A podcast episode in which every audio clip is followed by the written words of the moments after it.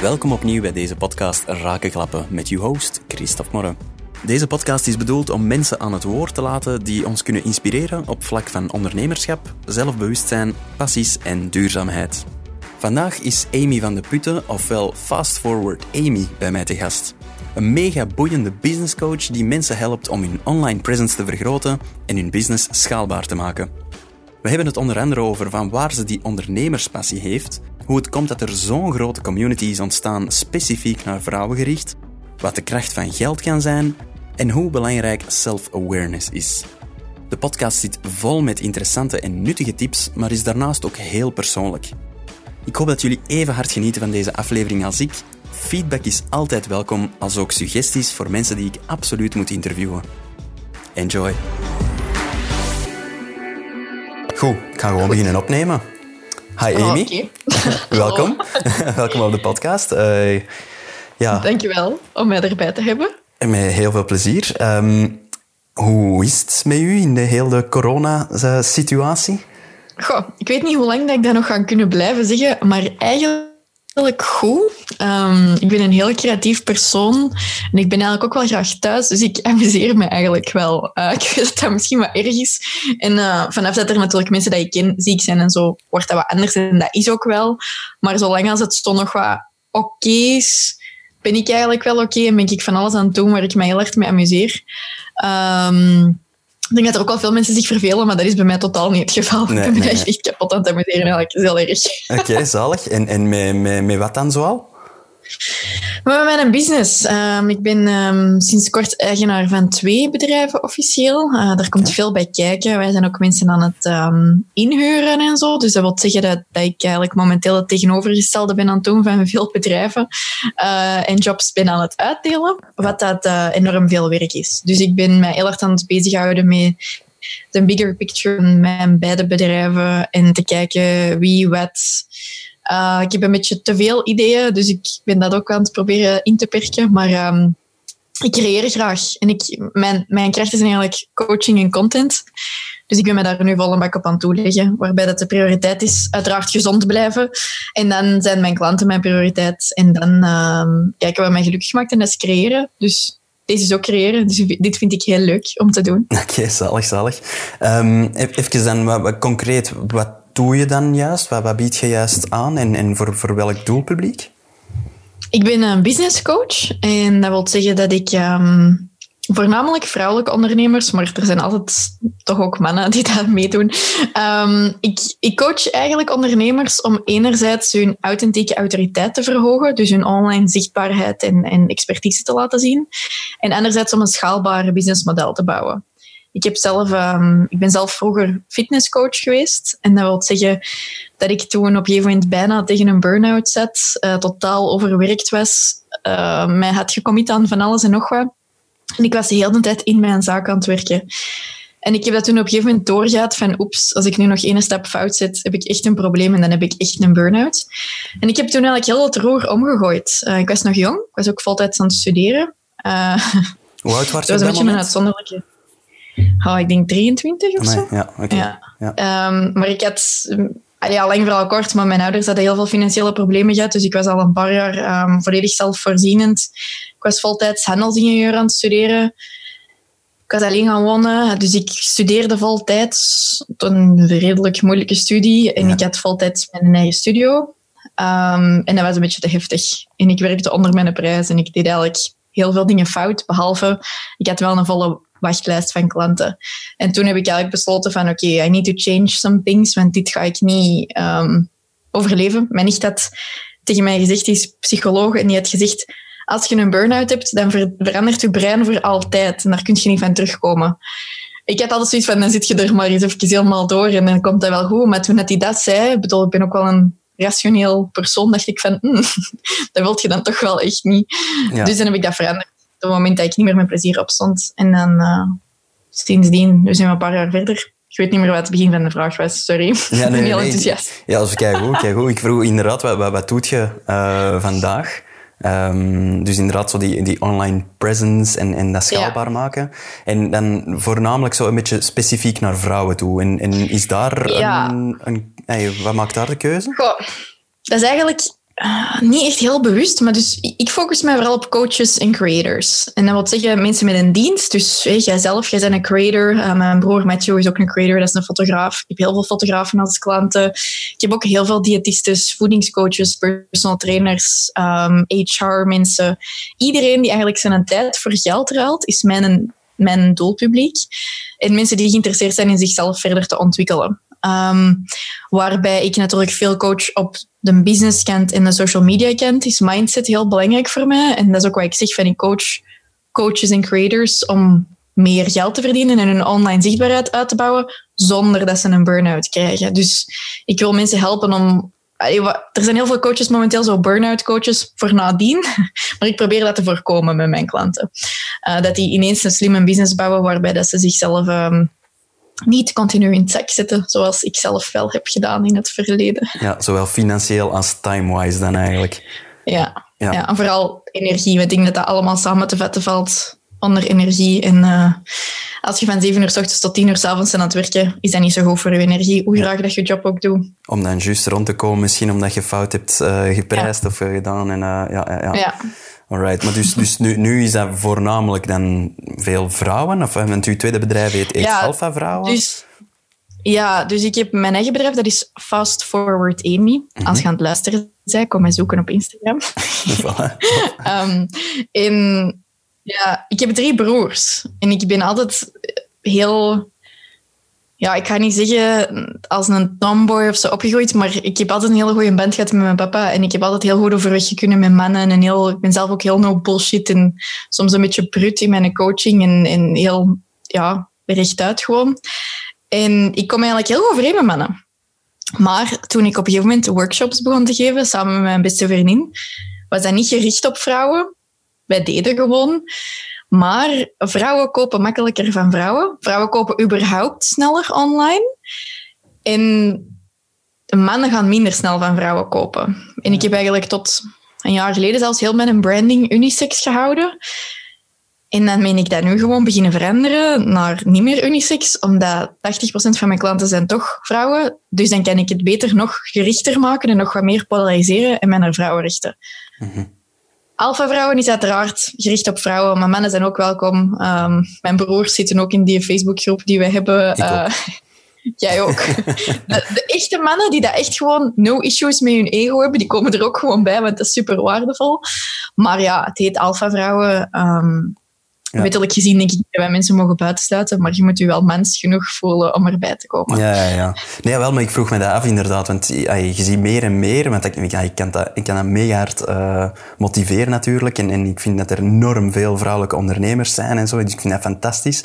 Maar dan denk ik van ja, waarom is dat altijd zo puur gericht op vrouwen? Zo, de, de girls mode, dat is zo'n coworking op vrouwen. Ik snap zo, ja. een fitness voor vrouwen, snap ik inderdaad, want er zijn te veel gasten die ja, ja, zich niet kunnen gedragen of zo met, met vrouwen rondom hun in de fitness, denk ik. Dus dat snap ik helemaal. Maar dan zo, zo bij online business coach vroeg ik mij af van waarom moet dat dan zo specifiek op vrouwen? En ik voelde mij bijna benadeeld van, allee, terwijl it's a man's world, en ik snap het volledig, hè. het is volledig ja, ja. natuurlijk, hè. daar niet van, hè. maar um, daarmee dat ik mij vroeg, ja. Ja, dat is een super interessante topic. Um, Jessica, mijn beste vriendin, waar ik samen Alpha Vrouwen mee heb, mhm. die heeft van in het begin, helemaal in het begin maakte die telefoonhoesjes van haar schilderijen en dat waren totaal geen roze telefoonhoesjes. Dat waren echt de meest abstracte dingen dat je maar kon maken. Dat is iets dat weinig mensen weten. En die maakte collages en grappige beelden van mensen op een strand vanuit een collage met dan een madame en een grote grasmaaier dat erover wandelt. Echt hele absurde dingen. En dat verkocht niet fantastisch. Wat dat er heel goed verkocht was alles waar daar roze in zat. En die is toen... Allee, ik ben nu een lang verhaal kort aan het maken. Maar die heeft toen met haar merk Antwerp Avenue zich gewoon keer beginnen focussen op haar doelgroep die dat wou kopen. En dat waren 18 tot 24-jarige jonge vrouwen die dat graag roze en empowering stuff wouden kopen. Ja, ja, ja. En welke term was er natuurlijk super populair? Ja, girlboss. How to build a girlboss brand. Be a girlboss. Girl power. En in het begin, ook met alpha vrouwen, had mijn mama zoiets van ja, maar al die girl boss, waarom moet daar girl voor? Want zo blijf je benadrukken dat je ook als vrouw een bos kunt zijn. Gaan wij dan in alle twee in het begin zoiets van, mama, allee, mijn mama dan, zo van, niet, niet te veel over zeveren. Maar het laatste jaar hebben we eigenlijk wel aan elkaar moeten toegeven dat we het er eigenlijk wel mee eens zijn. En als je niet enkel naar de marketing zou moeten kijken, maar gewoon in het algemeen, zoals mijn nieuwste cursus, heb ik niet business boss babe genoemd. Je dat gewoon business boss. Ik, ik, in mijn marketing zit dat wat minder, denk ik. Bij Alpha Vrouwen uiteraard wel veel. Maar dat is gewoon een identiteit waar dat wij ons heel hard in herkennen. Maar je zou ook niet zeggen boyboss, hè? Allee, girlboss. Nee, nee, voilà, inderdaad. Nee, maar een boyboss, dat zou ik heel Boss is een boss, hè? Dus, Gender neutral, hè? Ja, ja dus Ja. daarom, ehm, dat is iets dat we wel heel hard achter staan. En met Alpha Vrouwen ook. Onze focus is eigenlijk gewoon, Alpha Vrouwen gunnen elkaar het licht. Omdat dat nu eenmaal wel zo is. Mannen zijn meer zo part of a pack. Oerinstinct gewijs dan. Vrouwen zijn al iets sneller soms met wat achterklap in roddels. Sorry voor het stereotyperen bij deze. Ik ben absoluut een feminist. Ik bedoel, ben de founder van Alpha Vrouwen, co-founder. Maar dat gebeurt wel veel. En vrouwen zijn heel snel geïntimideerd door elkaar. Die gunnen elkaar heel snel iets niet. En dat willen wij doorbreken. En dat kun je pas doorbreken door het aan het licht te brengen, zeker. Dus ja. Oké, noble act eigenlijk, hè? Er, van dat eigenlijk iets Ja, is volledig terzijde ontstaan. is, maar eh, ja. Dat is echt ontstaan vanuit een nood. We waren echt niet op zoek naar een tweede bedrijf starten, believe me. Want het is echt waanzinnig veel werk. Er is komt echt dat bij eh, kijken, zegt. totaal uit de hand gelopen. ja, Ehm, ja. Wij gaven gewoon soms workshops. En dat was leuk. En er kwamen 80% vrouwen naartoe. En na elke workshop werd er zo gevraagd van, ja zeg, kun je... Wij willen graag meer netwerken. En wij hadden zoiets van, maar wij hebben er helemaal geen tijd voor. Dus op een zeker moment zeggen wij, allee, ja oké, we zullen dan een community opstarten. Hè? Ja, ondertussen zijn we 12.000 mensen verder. Eh 8.000 op Instagram, 4.000 op Facebook.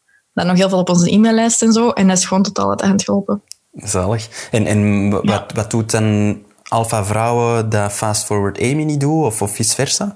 Is daar een, kort- een duidelijke splitsing, of is dat een beetje moeilijk voor u om... om... Daar raakt je een heel gevoelig puntje. dat is heel moeilijk. Uh, ik ben business coach, dus ik, ik, ik heb diensten en cursussen die ik aanbied. Jessica heeft producten, dus voor haar is die scheiding wat duidelijker. Voor mij is dat gigantisch moeilijk, want de alpha-vrouw is mijn ideale klant. Mhm. En dat wil zeggen, elke keer als ik een idee heb, kan ik ervoor kiezen om dat bij mij uit te voeren of bij alpha-vrouwen. En ehm, dat is gewoon een beetje lastig. Waar trekt je die lijn? We hebben bijvoorbeeld een Instagram-cursus bij alpha-vrouwen. Dus dan niet bij mij. Maar allee, dat is gewoon Dat is dan weird. powered by Fast Forward Amy, of... of, of... Ja, als ik dat dan zou doen, maar die heb ik samengemaakt met Jessica. Hoe dat we het nu bezien is... Alpha Vrouwen zijn, ik zeg de community en cursussen, op zichzelf staande cursussen. En ik heb ook cursussen en coaching. Maar er is eigenlijk... Er is overlap. Oké, ja. Nee, maar, ik ben wel ikje. En als je natuurlijk door mij persoonlijk gecoacht wilt worden, ja, is dat bij mij. Maar Mhm. er eigenlijk, hè, wij vertrekken altijd vanuit wat is er nodig. En ik merk dat wel, bijvoorbeeld over pricing en zo, kan ik echt heel hard doorbomen. En over coaches en creators, dat is echt my jam, om het zo te zeggen. Dus ja, het zou misschien allemaal wat duidelijker moeten zijn. Maar wij, wij creëren voornamelijk vanuit wat dat er nodig is. Waar dat er de meeste nood aan is, dat maken wij. Oké. Ja, zolang dat voor jullie duidelijk is, denk ik dat er, eh, dat er niet echt een probleem eh, van van is. Ja. ja, wat dat je ook wel hebt, is dat mensen zich vanzelf oftewel meer aangetrokken voelen tot mij of meer door, tot Jessica. Mhm.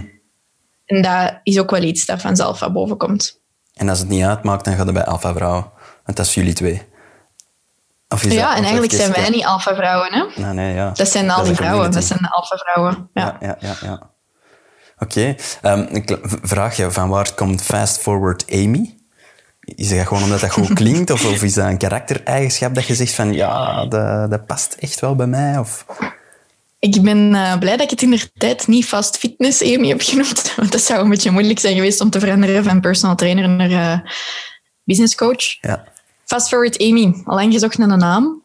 Ehm, Amy van de Putten is in het Engels niet zo heel makkelijk uit te spreken. En ik ben een lange tijd redelijk bekend geweest tussen aanhalingstekens in Amerika. Ehm, dus ja, dan moet je niet afkomen met Van de Pute. en ehm, Fast Forward Amy, ja, dat gaat, dat gaat een beetje voor over het geven van shortcuts en moving forward. En dat is goed blijven hangen. Soms twijfel ik nog van, zou ik niet beter toch mijn eigen naam gebruiken? Maar ik ben eigenlijk toch wel fan van Fast Forward Amy. Ja, ik, ik ken u nu niet. Hè, we kennen elkaar, we nog niet ooit fysiek gez- eh, gezien. kennen het zo elkaar niet. Nee. het lukt niet hè, met onze corona. Wie nog jij eigenlijk? Het gaat over u vandaag, Amy. Uh. ik vind dat heel moeilijk, hè? Zo, heel, allez, ik vind dat leuk, zo over mijn eigen praten, maar ik zou eigenlijk liever heel tijd vragen terugstellen. Ja, maar ja, dat is voor een andere keer, hè? Dat is voor een andere keer, ja. um, nee, maar ik vind, van wat ik van u zie en van wat, de, de, de, de, cursus en zo dat, dat ik al, al heb gedaan, dat past wel echt bij wie dat je zei, vind ik, die fast forward je, je, gaat er wel voor, je knalt echt. Ja, omdat, ja je, je, je bruist van energie en, en, en wat, die coronacrisis, op lockdown. Die alpha-vrouwen vol, hun Instagram vol met deze kunnen we allemaal doen en daar, daar kunnen we bij helpen en let daarop en laat. Nou, je, laat, je laat er niet echt gras over groeien, zal ik zo zeggen. Uh, ik bedoel dat in de beste manier natuurlijk. En die, die fast forward is van, kom jong, uh, niet blijven stilstaan, blijven knallen. Um, ja. En in die zin is dat dan voor u iets van... Heb je dat heel uw, uw leven? Want ik, ik ben ook heel veel bezig met zo zelfontwikkeling en zo, zo mindfulness en al die dingen. Heb je daar dan zelf nog tijd voor? Of moet je daar dan tijd voor maken? Of heb je zoiets van, poh, al die mindfulness en al die dingen, maakt niet uit, gewoon blijven gas geven? Of, of heb je dan vanuit je um, burn-out of bijna burn-out daar ook dingen uit geleerd? Ben, of, of? ben als kind heel lang ziek geweest. Um, ik ben een paar jaar ziek geweest, een paar jaar niet naar school kunnen gaan bijna. Toen ik tien jaar was ongeveer. Ik heb toen ook een depressie gehad. Nou, er zijn niet veel tienjarigen met een depressie. Um, mijn mama zei altijd, je zet een oud zieltje. Um, ja, dat verandert je leven wel. Als je heel je leven lang veel ziek bent, dan vormt dat je wel op een manier dat je echt wel weet van je gezondheid is echt wel je eerste ding. Dan zijn mijn ouders failliet gegaan, heel veel financiële troubles gehad. Dan heb ik heel hard geleerd van mijn money mindset nog veel beter te maken en heel goed te leren omgaan met geld. Niet dat zij per se een fout waren. Er zijn gewoon van alle dingen gebeurd die dat mij mee hebben gevormd tot wie ik ben. En als ik dat zeg tegen mensen van ja, dat, ziek zijn en die financiële problemen hebben mij gemaakt tot wie ik ben, dan zeggen mensen, sommige mensen wel zoiets van ja, dat is wel nogal luguber. Maar ik vind dat niet. Uh, dat heeft mij enorm dankbaar gemaakt voor het feit dat ik nu gezond ben. Um, en dat heeft mij heel goed gemaakt met geld en business. Want dat zijn wel mijn krachten. En ik heb hier in mijn kantoor een paar honderd boeken staan. van self-development. op je Instagram, ja. ja, en ik ben op mijn twaalf jaar zelfontwikkelingsboeken beginnen lezen. En dingen beginnen bekijken, beluisteren en zo. Onder andere onder invloed van ons papa. En ik ben nu op een punt waarbij ik nog steeds elke week gecoacht word, mentaal. Ik heb uh, ook een business coach. Ik ben heel veel bezig met mezelf beter te maken, gelukkiger te maken, altijd. Ik heb uh, verslaving zit in mijn genen. Dus ik, ik maak wel veel mopjes over wijn, maar ik ga bijvoorbeeld nooit geen wijn drinken als ik me slecht voel. Mijn familie langs alle kanten zit verslaving erin. Depressie zit ook in mijn genen. Dus ik ben mij enorm bewust van mezelf. En ik zal altijd op tijd aan de alarmbel trekken wel. Um, maar wat ik niet meer doe, ik lees niet meer veel. Ik luister, luister niet meer veel. Een deel van mijn fast-forward succes is dat ik doe. Dus ik neem actie. Ik consumeer niet, ik produceer. En ik heb soms wel eens van die golven dat ik denk, oh, nu ga ik podcasts luisteren. Maar heel vaak krijg ik van die berichten van mensen van, ja, heb je deze en deze en deze gezien? Of misschien moet je deze persoon eens volgen. En ik zo, nee, nee, ik ben infographics aan het maken. Ik ben aan het tekenen. ik ben dingen aan het doen. En uh, ze zeggen vaak, knowledge is power. Maar ik geloof dat action is power. Dus dat is waar dat ik mij op focus. En dat is denk ik ook hoe dat ik groei als persoon. Ja, misschien heb je je knowledge is power al vergaard vanaf je 12 jaar en dat je nu op een bepaald punt zit van oké, genoeg knowledge, maar wat ga ik er nu mee doen? En uh, ik denk dat je er gewoon misschien heel vroeg zijn begonnen. Ik denk niet dat er al heel veel 12-jarigen bezig zijn met uh, self-help en zelfontwikkeling uh, boeken. Dus, dus misschien heb je daar gewoon een voorsprong in tegenover je peers. Um, ik denk dat wel. Um, en een stuk van dat is ook dat ik op een gegeven moment ben beginnen investeren in cursussen. Dus ik heb ook mijn tijd gehad waarbij dat ik allemaal artikels googelde over productiviteit en what do the millionaires do in the morning. En um, ik doe dat nu niet meer. Ik sta gewoon op en ik doe gewoon dingen.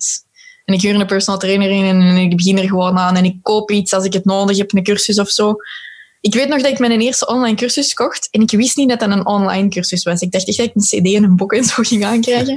Dat was nog in de tijd van fitness, want dat is natuurlijk ook heel veel self-development. En ik had oh, getwijfeld dat ik toen heb. Ik denk dat dat mijn eerste jaar universiteit was. En ik had toen zoiets van oh, 30 euro, zeg 30 euro of 35 euro. Ik vond dat zoveel geld voor iets dat niet testbaar was. En dat was mijn eerste online aankoop. En daar heb ik zoveel van geleerd, omdat ik niet meer het zelf aan het uitzoeken was. Dat was gewoon kent en klaar. En dan heb ik ooit een cursus van 1000 dollar gekocht in het midden van de nacht via een webinar dat ik aan het kijken was van de een of andere Australiër. Paniek van, oh, heb ik deze nu echt gedaan? Maar ik heb er zoveel van geleerd. En ik heb die cursus zelfs nooit volledig uitgezien, maar ik heb daar genoeg uitgehaald om daar mijn business misschien mee te vertienvoudigen. En met de volgende cursus heb ik dat weer gedaan. En heb ik weer van geleerd inhoudelijk, maar ook van hoe runnen die dat. Ik ben gewoon blijven investeren en blijven gaan, zelfs op momenten dat dat niet evident was. En dat heeft mij heel ver verder doen ontwikkelen. Door gewoon toe te geven dat ik het niet allemaal zelf wist. En mensen toe te laten mij te helpen eigenlijk. Nee, ja, zalig. Uh, mega boeiend. Um, heel uw ondernemerschap en zo, dat, dat komt ook heel sterk vanuit uw familie. Uh, ik, zie uw podcast nog verschijnen met, met uw vader en zo. En, en, ik hoor dat, dat jullie dat al aan, aan, de, aan de keukentafel bes, bes, bespraken en zo. En, en running through your veins, echt. Ja, wij zijn wel echt uh, geboren ondernemers. Um, niet allemaal. Uh, zoals je zelf weet, ik denk dat je het met aan Sophie... Ik heb niet alle podcasts kunnen luisteren, maar aan Sophie, zelfontwikkeling, alles heel belangrijk. Wij zijn, ik heb drie broers, we zijn allemaal heel verschillend. Um, wij zijn opgegroeid met een mama en papa die ook heel verschillend zijn. Maar mijn papa is echt, echt een geboren ondernemer. Ik denk dat hij op zijn vijf jaar al dingen was aan brommers was aan maken voor de mensen in de buurt, bij wijze van spreken. Misschien niet op zijn vijf jaar, maar... Um, en wij hebben ooit met Sinterklaas een krijtbord gekregen de Sint had een groot krijtbord gebracht en we hebben dat in de keuken gehangen. En mijn ouders hebben altijd hun eigen bedrijf gehad. Ik heb mijn papa nooit ergens anders weten werken en mijn mama werkte altijd mee in het bedrijf en zo. Dus wij bespraken dan effectief aan de keukentafel. Dan aten wij en dan begonnen wij ideeën te bespreken. En mijn papa zijn businesses en zijn ideeën zijn allemaal ontstaan aan de keukentafel. En op een gegeven moment had mijn kleine broer ook een businessidee. En dan had ik het uh, idee om juwelen te verkopen en een fitness te bouwen. En mijn ouders hebben ons altijd heel erg laten doen. En die zijn altijd van mening geweest, maar die zelf totaal niet zo zijn opgegroeid geweest of opgevoed. Ja, dat is zoiets van, als je iets doet dat je graag doet, dan zult je het wel goed doen. En dan komt je er wel. Um, tot op de meest absurde momenten dat de dag dat ik mij ging inschrijven op de Universiteit van Antwerpen om handelsingenieur te gaan studeren. Op die moment dacht ik van, ik wil niet ondernemen. Ik heb gezien wat ik kan doen. Geef mij maar gewoon zo een positie hoog in een bedrijf, dat ik zo wat baas mag zijn van mensen, maar dat ik niet al die zorgen heb. Ja, Klein verschil gezegd. nu heb ik wel al die zorgen. um, de dag dat ik mij ging inschrijven, heeft mijn papa mij actief proberen overhalen van dat niet te doen. We zijn toen gaan lunchen. En die had echt zoiets van, doe dat nu niet. Kun je nu niet gewoon zo wat aparte cursussen gaan volgen aan bepaalde universiteiten of plekken. Maar toen, dat was nog de height of de shitshow bij ons. En ik had toen zoiets van, ja, maar ik weet dat, wat er gaat gebeuren. Dan ga ik bij ons papa op bedrijf werken of zo. En dan gaat het er niet van komen en ik ga vastzitten. En ik wou veiligheid doen. Dus ik ben toen gaan studeren. En in jaar twee was ik al bezig met mijn business. En ik denk dat ik in jaar drie sowieso niet meer naar de les ging. Mensen betaalden om hun cursus te kopen die dat ze schreven in de les. Dus ik redeneerde dan van ik kan drie klanten zien op donderdagochtend. Twaalf weken lang. Die zitten in de les. Ik geef die 50 euro voor hun cursus. ik zie elke week die klanten dan zoveel per uur. En ik studeer gewoon die notities. En dan ligt je soms examens af met proffen die dat je nog nooit hebt gezien. Zalig. En dan kwam het heel goed van pas dat ik al zoveel boeken had gelezen. Want dan had je vakken zoals bijvoorbeeld strategisch management, waar iedereen super veel schrik voor had, waar dat ik dat kon studeren en ik kon dat hangen aan mijn zaak. Ik kon dat allemaal bekijken vanuit mijn klanten, ervaring, boeken dat ik had gelezen. Dus dat heeft dat ook wel een beetje makkelijker gemaakt voor mij. Het is al veel meer hands-on eigenlijk en meer in het leven gegrepen. Hè? Dat, ja. ja, maar dat, ondernemen in onze familie, dat is ook niet evident. Hè? Want ik ben dan heel hard of heel gedreven erin. Mijn broer Matthew is bijvoorbeeld heel creatief. Mijn jongste broer is DJ. Mijn oudste broer is eigenlijk ook DJ en, en ook altijd zijn weg aan het zoeken. En dat zorgt ook wel voor pressure onderling. Want wij zijn allemaal eigenlijk opgevoed mee, onbewust, je moet presteren en je moet ondernemer worden, want bij die bedrijven gaan werken is niet goed. Dus onbewust wordt dat heel dat dingen van je pas goed als je het goed doet. Dat is niet met zijn schuld, maar dat is wel gebeurd.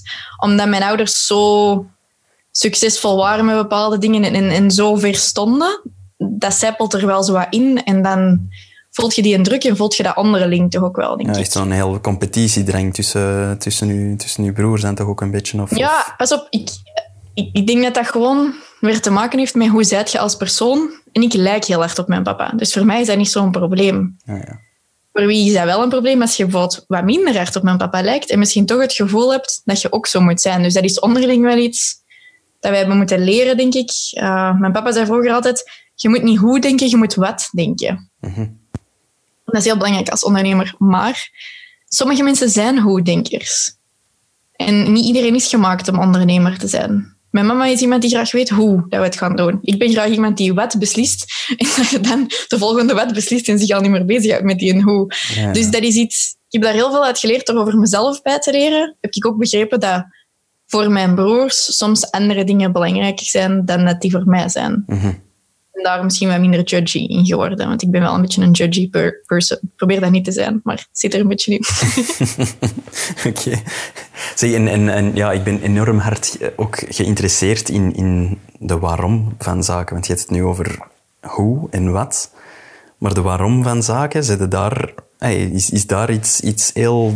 Zijn daar vaak mee bezig? Van waarom wil ik dit doen? Of, of waarom... Uh, gewoon omdat het business sense maakt? Of, of, of is daar, hey, zijn je daar bewust mee bezig? Of, of totaal niet? Um... Ik luister heel erg naar mijn buikgevoel. Mm -hmm. um, ik zeg altijd, een, een, een goed buikgevoel moet je onderbouwen en een slecht buikgevoel moet je altijd volgen. In mijn businessbeslissingen, als ik kijk naar mijn zaak, naar de waarom, kan ik eerlijk bij zeggen dat ik dat eigenlijk altijd maak vanuit de noodzaak van wat de andere mensen nodig hebben. En niet vanuit mijn ego. Mm -hmm. Waarom doe ik dit? Ik vind het kei leuk om mensen te helpen. Uh, ik vind het ook kei leuk om geld te verdienen. Ik schaam me er ook niet voor om te zeggen. Ik vind dat heel plezant. Het is een grote monopolie dat ik ben aan het maken. Omdat je daar ook veel mee kunt doen. Je kunt daar ook mensen mee aannemen. Je kunt daar goede doelen mee steunen. Je kunt daar een leuk leven mee voorzien, waardoor dat je mensen nog beter kunt helpen. Maar waarom? Ik denk dat die nog veel duidelijker gaat worden de komende tijd. Maar voor nu weet ik dat ik gewoon heel hard mijn gevoel volg. Ik weet dat er heel veel mensen praten over intuïtief ondernemen. Ik ben daar niet zo actief mee bezig van daarover bij te leren en zo, maar ik kan wel enkel dingen doen die goed voelen. En als ik bijvoorbeeld niet mezelf ben, dan kan ik ook niet coachen zonder dat dat energie wegzuigt. Dus ik heb een groep van 30 ondernemers die ik coach gedurende vier maanden. En ik kan niet zeggen dat dat een piece of cake is, want believe me, daar zit heel veel werk in. Echt waar. Maar dat is super plezant, omdat ik 100% mezelf kan zijn. Stomme mappetjes, the real stuff, heel brut zijn. Ik zeg dat ook. Zeg, als ik in het document comments heb geschreven en dat is brut, ik ben niet boos, ben nooit boos. Ik zeg maar, dat is gewoon om efficiënt te zijn. En als ik niet authentiek zou kunnen zijn in mijn brand, in mijn marketing en zo, dan zou ik de foute klanten aantrekken en dan zou dat ook niet gaan.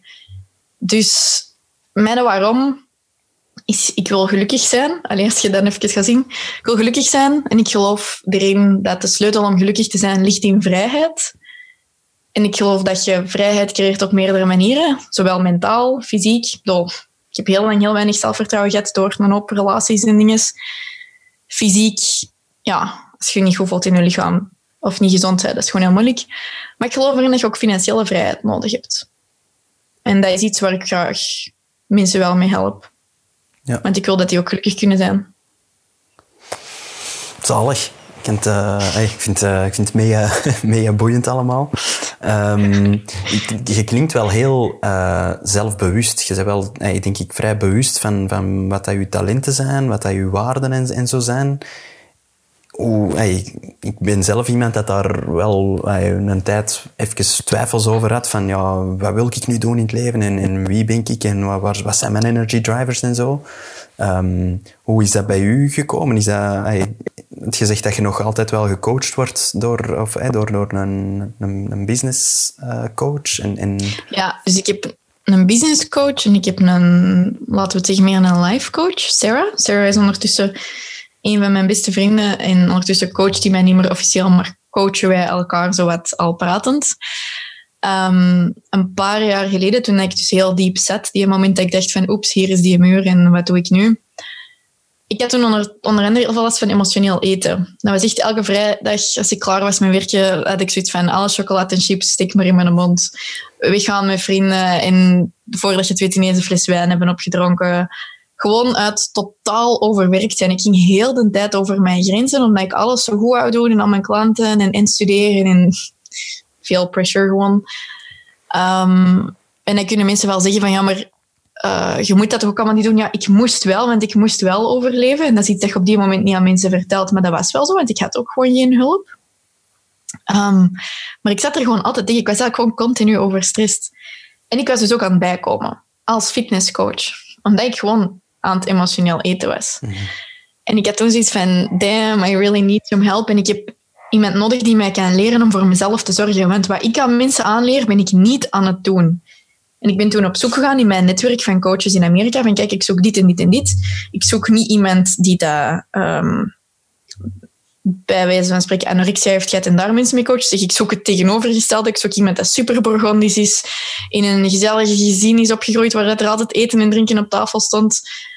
En ik ben echt zo gaan zoeken naar ik heb iemand nodig dat mij echt snapt wie dat ik ben. En ik wil dat die persoon mij helpt. En ik had toen twee keuzes, uiteindelijk. Ik had twee coaches gevonden ene coach ging met mij doen wat ik al een beetje wist. En dat was terug calorieën tellen en al die dingen.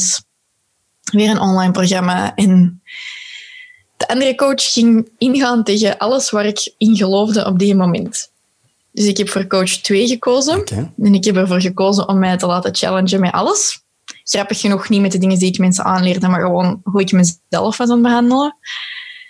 En Sarah is de reden dat ik nu sta waar ik nu sta. Die heeft mij geholpen om mijn zelfvertrouwen terug te vinden, om beter voor mezelf te zorgen, om grenzen te stellen, waar ik nog steeds elke dag mee struggle. Maar die heeft gewoon, die heeft mijn leven veranderd. Zonder Sarah zou ik niet afgestudeerd zijn, zou ik niet mijn business hebben kunnen behouden. Uh, die heeft mij immens hard geholpen en dat doet hij nog steeds. Dat is de, een van de liefste, slimste mensen die ik ken. Ze gaat dit nooit horen, want ze kan geen Nederlands. maar um, wat dat heeft gedaan voor mij is, soms heb je een goede week en soms heb je een slechte week. Maar elke vrijdag belde ik daarmee. Alsof ik nu een goede week had gehad of een slechte week, ik had een spiegel. En elke week moest ik naar die spiegel kijken en erdoor praten. En die heeft mij geleerd om liever te zijn voor mezelf. Om um, niet meer te judgen naar mezelf. Om mijn eigen te vergeven. Want dat is heel vaak een belangrijke sleutel. Ik snapte dat vaak niet, dat mensen konden overeten en die er dan zomaar over zitten. Ik, ik bleef mij gewoon zo wat schuldig voelen dat ik het nog eens deed. um, en die heeft mij gewoon dat allemaal geleerd. En van ook mijzelf te vergeven dat ik me heel veel... Uh, allee, niet heel veel, maar gewoon relaties heb gehad waar ik mezelf misschien niet eerlijk heb laten behandelen. Al dat. En dat is een ongoing process. Uh, ik denk dat dat een van de grootste tips is die ik mensen zou kunnen geven, is get yourself a coach. Um, Heel veel mensen hebben zoiets van, ja, maar een psycholoog of zo, ja, ik ben toch slimmer, ik kan die er toch uitpraten. Nee, zoek gewoon de goede mensen. Mhm. Er zijn echt mensen die je kunnen helpen, want je zei echt niet, dat is niet uw skill, dat is die mensen hun skill. Ja, wat ik bijvoorbeeld bij Anne-Sophie, ik heb daar dan ook een heel coaching traject bij gedaan en het is niet per se van wat dat zij te vertellen heeft. Het is niet van, ah oh ja, ik ben slimmer dan mijn psycholoog. Het is, het is de juiste vragen dat die coach juist stelt. En eigenlijk zit die knowledge tussen je twee oren. Um, en, en je weet wel wat dat is, maar het is het juist kaderen of, of daar eens even op inzoomen of een beetje macro of juist uitzoomen en zo. Die, die, daar ben ik zelf ook enorm fan van, van u inderdaad te laten bijstaan. En, en dat moet niet per se een, een, coach zijn of, of whatever, denk ik. Um, als je een slimme zoals dat jij met je papa misschien, misschien hebt, uh, iemand hebt die dat je af en toe is challenged en zo, dat, dat is zo waardevol. Um, ja. Ja, en dat, dat helpt gewoon enorm. Ik bedoel, mij en Sophie ook. Ik ben daar nu samen met Jessica een traject mee bezig, omdat wij hele goede vrienden zijn, maar wij willen ook weten hoe dat we onze vriendschap en onze werkrelatie kunnen blijven behouden en, en verder kunnen. Dus wij liepen twee weken geleden bij Anne-Sophie binnen.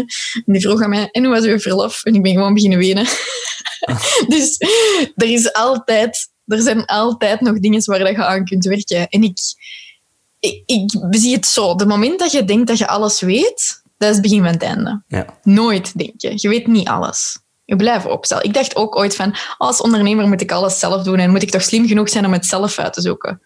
Totally wrong, hè? Het is juist keigoed om te denken, ik weet dit niet, kan iemand dit misschien beter? Ja, of zelfs als al kun je het, haal er energie uit. Vind het plezant om dat te doen. Ik zou mijn boekhouding zelf kunnen doen. Ik ben een, een, een eenmanszaakje eigenlijk. Maar ja, dat, dat, dat zuipt energie.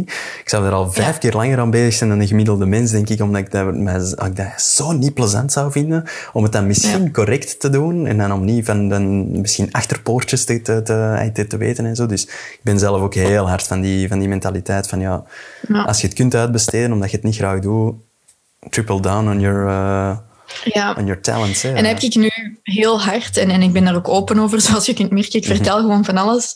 De reden dat ik dat allemaal vertel, um, is omdat ik zoiets van, misschien herkennen mensen zich er wel in. Mhm. En de meeste mensen voelen zich wel op een vlak alleen of hebben op een vlak schrik. En um, ja, no one has all their shit together. Gewoon, dat is gewoon zo. En, maar ik denk wel, gecoacht worden is enorm waardevol. En dat is inderdaad, dat gaat niet over dat die mensen meer weten dan dat jij weet. Maar dat is gewoon dat die dat een beetje gaan unlocken en dat die dus die spiegel voorhouden. En dat heeft mij al um, gigantisch hard geholpen en zo blijf je gewoon groeien. Wat ik wel soms lastig vind, is natuurlijk niet iedereen groeit altijd mee. Mhm. En dat is iets dat denk ik mensen die daar met zelfontwikkeling bezig zijn ook wel zullen merken. Dat je soms zo harder groeit of als ondernemer sneller groeit of je, je vrienden wat ontgroeit en zo. Dus dat brengt ook weer challenges met zich mee. Maar um, meestal gaat dat ook wel weer voor een stukje voorbij, denk ik. Ja, of je mindset verandert zodanig. Hè. Ik denk dat je heel veel vrienden vanuit je middelbaar, hogeschool, universiteit, ja, je zit allemaal hetzelfde aan het studeren, dus je bent heel hard parallel aan het gaan. En daarna gaat het allemaal zo andere kanten uit en andere richtingen uit. En, en ik ben meer geïnteresseerd in duurzaamheid en een ander is meer geïnteresseerd in, in, in sales en een ander is totaal iets anders aan het doen. En ik denk dat dat wel heel, heel normaal is, dat je een beetje divergeert eigenlijk. Uh, En dat je wat, wat, wat, verschilt van elkaar. Ik denk dat je gewoon ja, moet blijven zien wat dat de talenten uh, van elkaar zijn. En, uh, maar dat is inderdaad, zoals dat je zegt, van, ja, dat is, nee, dat, ik vind ook heel mooi dat je daar heel open over kunt praten en, en, en, dat er mensen uit kunnen leren. Dat is voor mij de hoofdreden dat ik deze podcast doe, denk ik. Uh, ik denk dat er heel veel leuke verhalen zijn te, te, vertellen. Leuke en minder leuke verhalen. Um, er gewoon overal veel uit te leren valt met, met, met wie daar waar mee bezig is en zo. En dat dat voor de luisteraar in het algemeen gewoon altijd wel... Je kunt overal iets van, van meepikken, denk ik. En, ja. en uh, mezelf ook een mega podcastluisteraar, dus daarmee dat ik dat ook uh, ja, heel interessant vind. Ja, ik wandel anderhalf uur of twee uur per dag met mijn hond, dus als het geen audioboeken zijn, dan, dan is het een podcast en anders ja, uh, blijft er niet zoveel tijd over. Um, je focust je nu eigenlijk veel meer op, op services en op zo hè, freelancen en zo. Wat is daar de reden van? En zou je ook echt iemand product-based kunnen coachen? Ik kan dat en ik heb daar juist uh, een gesprek gehad met Jessica. Uh, Jessica is een beetje ziek, Allee, niet te verwonderen. Uh, er worden geen tests gedaan, maar mm Jessica heeft het wel vlaggen. Okay. En omdat wij zo breed zijn gegaan met alpha-vrouwen, dan kom je een beetje in dat stuk waarin dat je alles een beetje vanilla probeert te houden. En dat is wat ik altijd zeg van, je wilt eigenlijk als brand niet vanilla zijn. Je wilt er juist, je wilt een beetje polariseren en je wilt heel duidelijk voor one thing staan. Um, zoals wat ik van u heb vernomen op eerste, in eerste opzicht, maar ik weet niet of dat klopt, is dat uw content heel real is. Dat jij je echt focust op zo'n een natuurlijke manier om mensen te capturen, om video's te maken en zo. En dat is ook wat dat mij aanspreekt, want ik dacht, ja, die authenticiteit, dat vind ik heel belangrijk. Ja, inderdaad. Bij mij is dat voornamelijk service-based businesses, maar waarbij het voor mij heel makkelijk is om van anderen te zeggen, that's your one thing, run with it and go, en zet dat in in je marketing. Ja, voor jezelf is het altijd kei moeilijk, hè. Maar ik had nu er juist wel zo de dingen van, ja, wat is nu mijn one thing eigenlijk? Want dat is dan als multipassioneel creatief iemand heel moeilijk. En ja, het is authentiek autoriteit en een schaalbaar businessmodel uitbouwen. Is het service-based businesses? Misschien is het gewoon online business mm -hmm. dat mijn one thing is. Ik mhm. weet het niet. You tell me. Wat denk jij? Ja, voor, voor, mij denk ik dat, denk dat ook uh, heel sterk. En ik denk niet of dat je de, een echte lijn kunt trekken tussen service of product, maar inderdaad, zoals, dat, zoals, dat je, zoals dat je aanhaalt, dat dat echt puur het, het offline gedeelte, of dat dat nu service, product, whatever, eigenlijk online een, een, een platform geven en met, met alle tools die dat je aanreikt en, en, en inderdaad op, op Instagram en, en show your face en alles wat dat je zo van tips en zo aangeeft en zo. Maar of dat dan nu een product of een service is eigenlijk, ja. Maar daarmee... Ja, ja en heel veel van mijn klanten beginnen dan op een gegeven moment ook met producten, omdat ze door mij leren hoe dat ze moeten verkopen en zo. Dus ja, vandaag is uh, Breakthrough Day. het is gewoon online business. Het is sales, marketing, money, pricing, verkopen. Het is al die dingen. Maar ik denk dat het gewoon online business is. En ik had altijd schrik, denk ik, voor dat online stuk. Omdat ik ook mensen met een winkel niet wou afschrikken. Maar dan zet je dus vanilla aan het zijn. En dat is wat we met Alpha Vrouwen doen. Alpha Vrouwen is community voor iedereen. Alle ondernemers steunen. Ondernemende en ambitieuze, niet-ondernemende vrouwen zijn allemaal welkom en daarvoor zien we alles. Maar bij mij, wat doe ik heel de dag? Ja, ik ben waarschijnlijk de enige persoon die dat geen inkomen is verloren in de coronacrisis. Hè? ik zit online. Bij mij, mijn vriend loopt hier zo rond overdag. En dan denk ik, ik zal dat maar doen. Dit is nu gewoon een werkdag voor mij, want ik zit gewoon waar ik altijd zit. Uh, het verschil dan dat ik binnenkort niet kan reizen en zo, dat is natuurlijk niet jammer. Mhm. Maar ik werk volledig online, dus ja. Ja, ik denk niet dat, inderdaad dat, je, dat, je, dat, dat, dat, winkel versus online, dat het een beter is dan het ander. Ik denk dat het gewoon elkaar op uh, complementair moet, moet zijn. Ik heb dat heel hard gezien bij, bij, Torfs. En dat is een klant al sinds vijf, zes jaar eigenlijk in foto en videografie. En ja, de eerste keer dat ik, dat ik, dat ik, dat ik uh, de Wouter Torfs een portret van moest, moest maken, zei ik van ja, hij wilde even door het raam kijken en zo, ja, een, blik in uw ogen van the future is bright. Zo'n heel inspirerende foto. En hij zei ja, als een e-commerce ons niet nikt. En dan was toen zo van, oei, ja, uh, die zitten normaal in fysieke winkels. Een jaar later hadden die een e-commerce opgesteld en dat is momenteel, goh, ik weet niet meer juist het exacte percentage, maar ja, nu zeker tijdens de coronacrisis denk ik dat die heel blij zijn dat die naast hun fysieke winkels, waar je een waanzinnige service en alles kunt krijgen, gewoon puur product-wise dan, een online. En ik denk dat die ondertussen prijzen hebben gewonnen voor beste webshop en zo. Dus ik denk dat het een het andere niet moet uitsluiten. Ik denk, denk, denk dat juist een doelgroep van u zou kunnen zijn. En zeker, zoals je zegt, in deze tijden, die jij ja, denk ik meer werkt dan ooit. Omdat er juist heel veel mensen zoiets hebben van, ja, het werkte allemaal zolang dat we fysiek naar buiten mochten. Maar nu ja, dat dat wegvalt... Ja, het ziet er nog niet naar uit dat het gaat stoppen. En dat is ook de reden waarom ik redelijk hard aan het werken ben nu. Mhm. Um, ik vind dat leuk. Hè? Dat is gewoon, ik werk graag. Ik, ik heb, ben ook mensen aan het aannemen. Ik heb mensen die voor mij werken, zodanig dat ik mij kan focussen op waar ik goed in ben. Ik ben aan het proberen om e-mail-free te gaan. Dat wil zeggen dat ik nog Slack gebruik met mijn team in beide bedrijven en met mijn klanten. Maar ik wil eigenlijk geen toegang meer hebben tot mijn e-mail-inbox. Okay, Ik vind dat verschrikkelijk. ik vind coachen leuk, ik vind content creëren leuk. Ik vind deze leuk, één op één. Zet me voor een zaal, vind ik ook fantastisch. Het zal nu even niet meer gebeuren. Um, maar al dat administratief, e-mailen, details. Oh, verschrikkelijk vind ik dat. Ik zal ook sneller terug dus een telefoon oppakken en ik zal u dus ook bellen. Zeg Christophe, uh, hallo, hoe zit het? Omdat ik dat gedoe gewoon beu ben. Dat, dat geeft mij geen energie. En ik ben koppig aan het proberen om terug in mijn zone of genius te geraken. Dat is heel moeilijk als er twee bedrijven zijn waar dat er heel veel systemen zijn, heel veel mensen die vragen stellen en dat er van alles in mijn hoofd zit, of in Jessica's hoofd, dat wij nog moeten leren vertalen, omdat wij zo snel zijn aan het groeien. Maar ik ben dat wel aan het proberen, want ik wil terug kunnen creëren en coachen. En dat is al wat ik eigenlijk wil doen. Dus ik wil één aanspreekpunt in mijn organisatie hebben, waar dat alle andere werknemers naartoe gaan, een COO. En ik wil founder zijn en creator en strategist. Ik heb altijd gezegd, mijn einddoelen zijn um, schrijven, spreken en strategie. Dat ben ik al jaren aan het zeggen. En ik ben nu zo wat tegen de stroom op aan het zwemmen om te proberen om daar terug te geraken. Ja, ja. En dat is echt niet gemakkelijk. Maar um, vandaag de dag, je zei trouwens een, eerste, een tweede persoon al over Wouter Torps tegen mij begint vandaag. Als er nog één iemand straks iets over zegt, dan weet ik dat ik er iets mee moet doen. Dus papa is een regel als je drie keer zo dezelfde persoon tegenkomt of er wordt iets gezegd over iets, moet je daar iets mee doen. Dus ik ben eens benieuwd. Um, wat spreekt er u als creator momenteel aan, aan het online gebeuren? Ik ben de regels aan het overtreden, hè? Ja, dat, dat, dat was niet afgesproken, hè? Oeh, wat aan mij uh, aanspreekt... Nee, ik heb ook net, net uh, een boek gelezen. Ja, shit, hij ligt hier niet meer. Um, de Dotcom Secrets.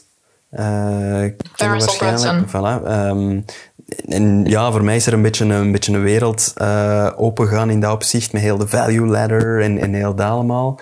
Uh, ik ben dat nee, is voor mij ineens een heel ding dan, oké, ja, ja, en heel die funnel en zo.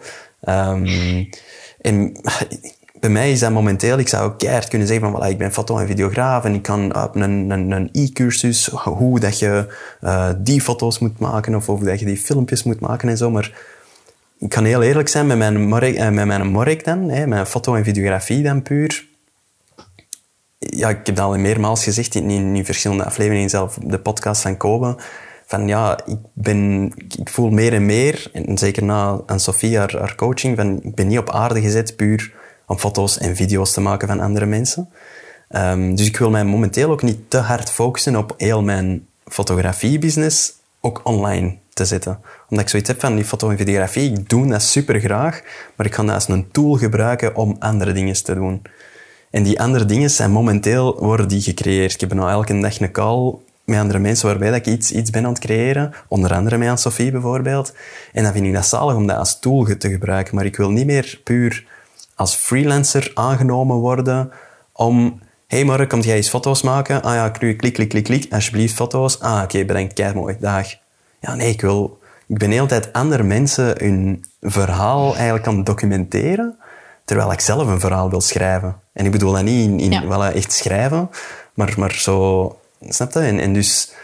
Creëren. Ja, creëren inderdaad. En niet puur foto's en video's. Dat gaat een, een handige tool zijn. En, zeker in heel het online gebeuren en, en, gewoon in het storytelling en in, in alles. Is een fantastische tool, denk ik. Maar er zijn nog zo andere dingen, zo andere passies die, dat ik, die dat ik voel van dat, dat zit hier in mij en dat moet eruit uh, op, op een bepaalde manier. Um, nu ben ik helemaal benieuwd. Hè? Ik ben er zeker van dat de mensen die aan het luisteren zijn ook benieuwd zijn. Tell me more.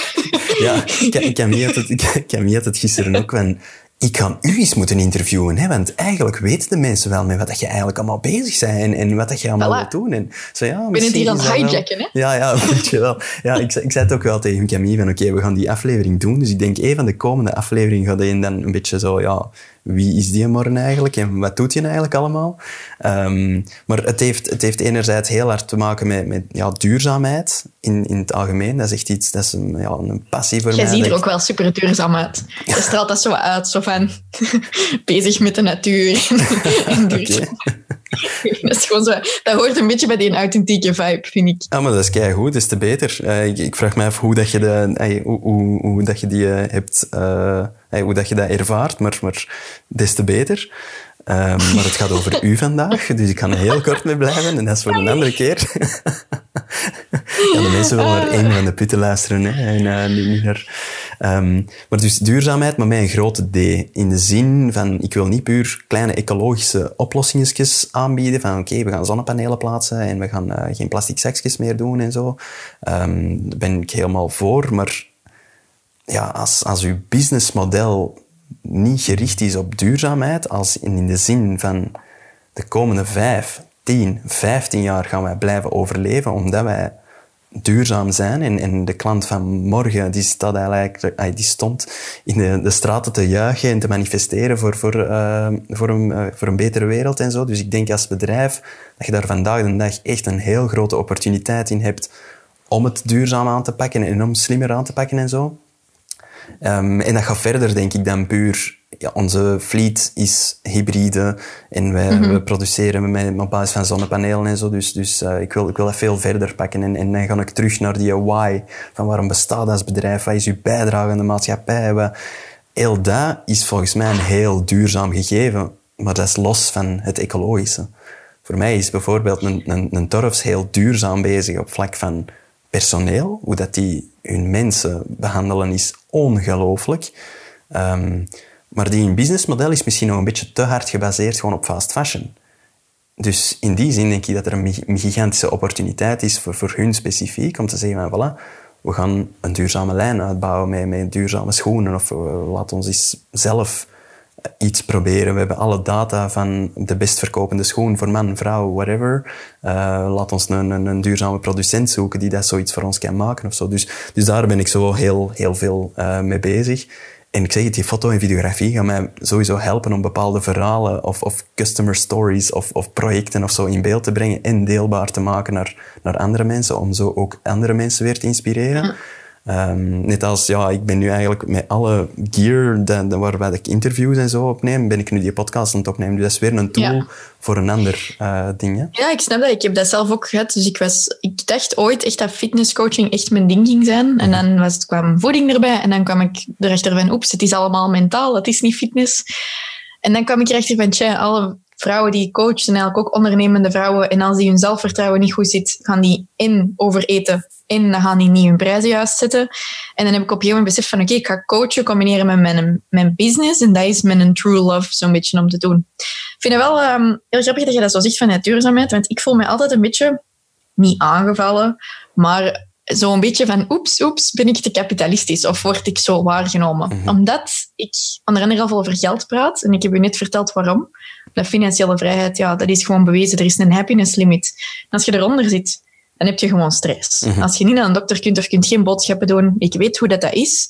En daar word je echt niet gelukkiger van. En ik maar daarboven gaat de marginaal ook niet meer veel gelukkiger worden. Nee, daarboven, dus, ja is er geen correlatie meer. Ik denk dat in Amerika is het 72.000 dollars is de happiness limit. Ik weet niet of dat nu nog zo is. Mhm. Ehm, en als je dus daaronder zit, gaat je... Te, ze zeggen wel eens geld maakt niet gelukkig, maar te weinig geld maakt wel ongelukkig, mhm. is het eigenlijk.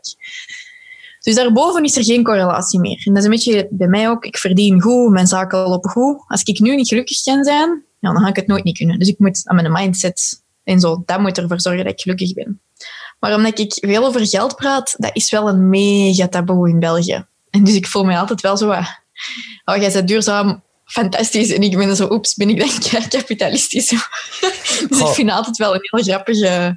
Voor, voor, mij, voor mij is, is geld ook gewoon een, een, middel voor mij is dat je fuel dat je in je auto zet. En als je geen geld hebt, als je geen financiële middelen hebt, nog persoonlijk, nog als bedrijf, gaat je auto niet meer voortrijden. Ook al is dat een fantastische auto, als er geen geld binnenkomt, als je geen fuel, dan kun je niet voortrijden. Maar voor mij gaat het dan ook wel van, oké, het is keigoed dat je veel geld genereert en je kunt veel uh, fuel in je auto steken, maar in welke richting vaarde, of in welke richting ja. rijd je dan?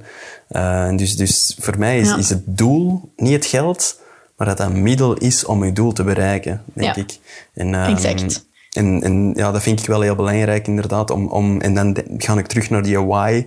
En niet per se wat dat je verkoopt, maar waarom dat je het verkoopt. En, en om mhm. dat doel te kunnen bereiken, ja, heb je geld nodig, inderdaad. En, en, en het is fantastisch dat je inderdaad persoonlijk daar dan ook uh, minder stress van ervaart. En, en ben ik helemaal ja. mee mee. Ja, en, en, en dat is een beetje, geld is energie. En zo bezin ik het echt gewoon in geld is goed.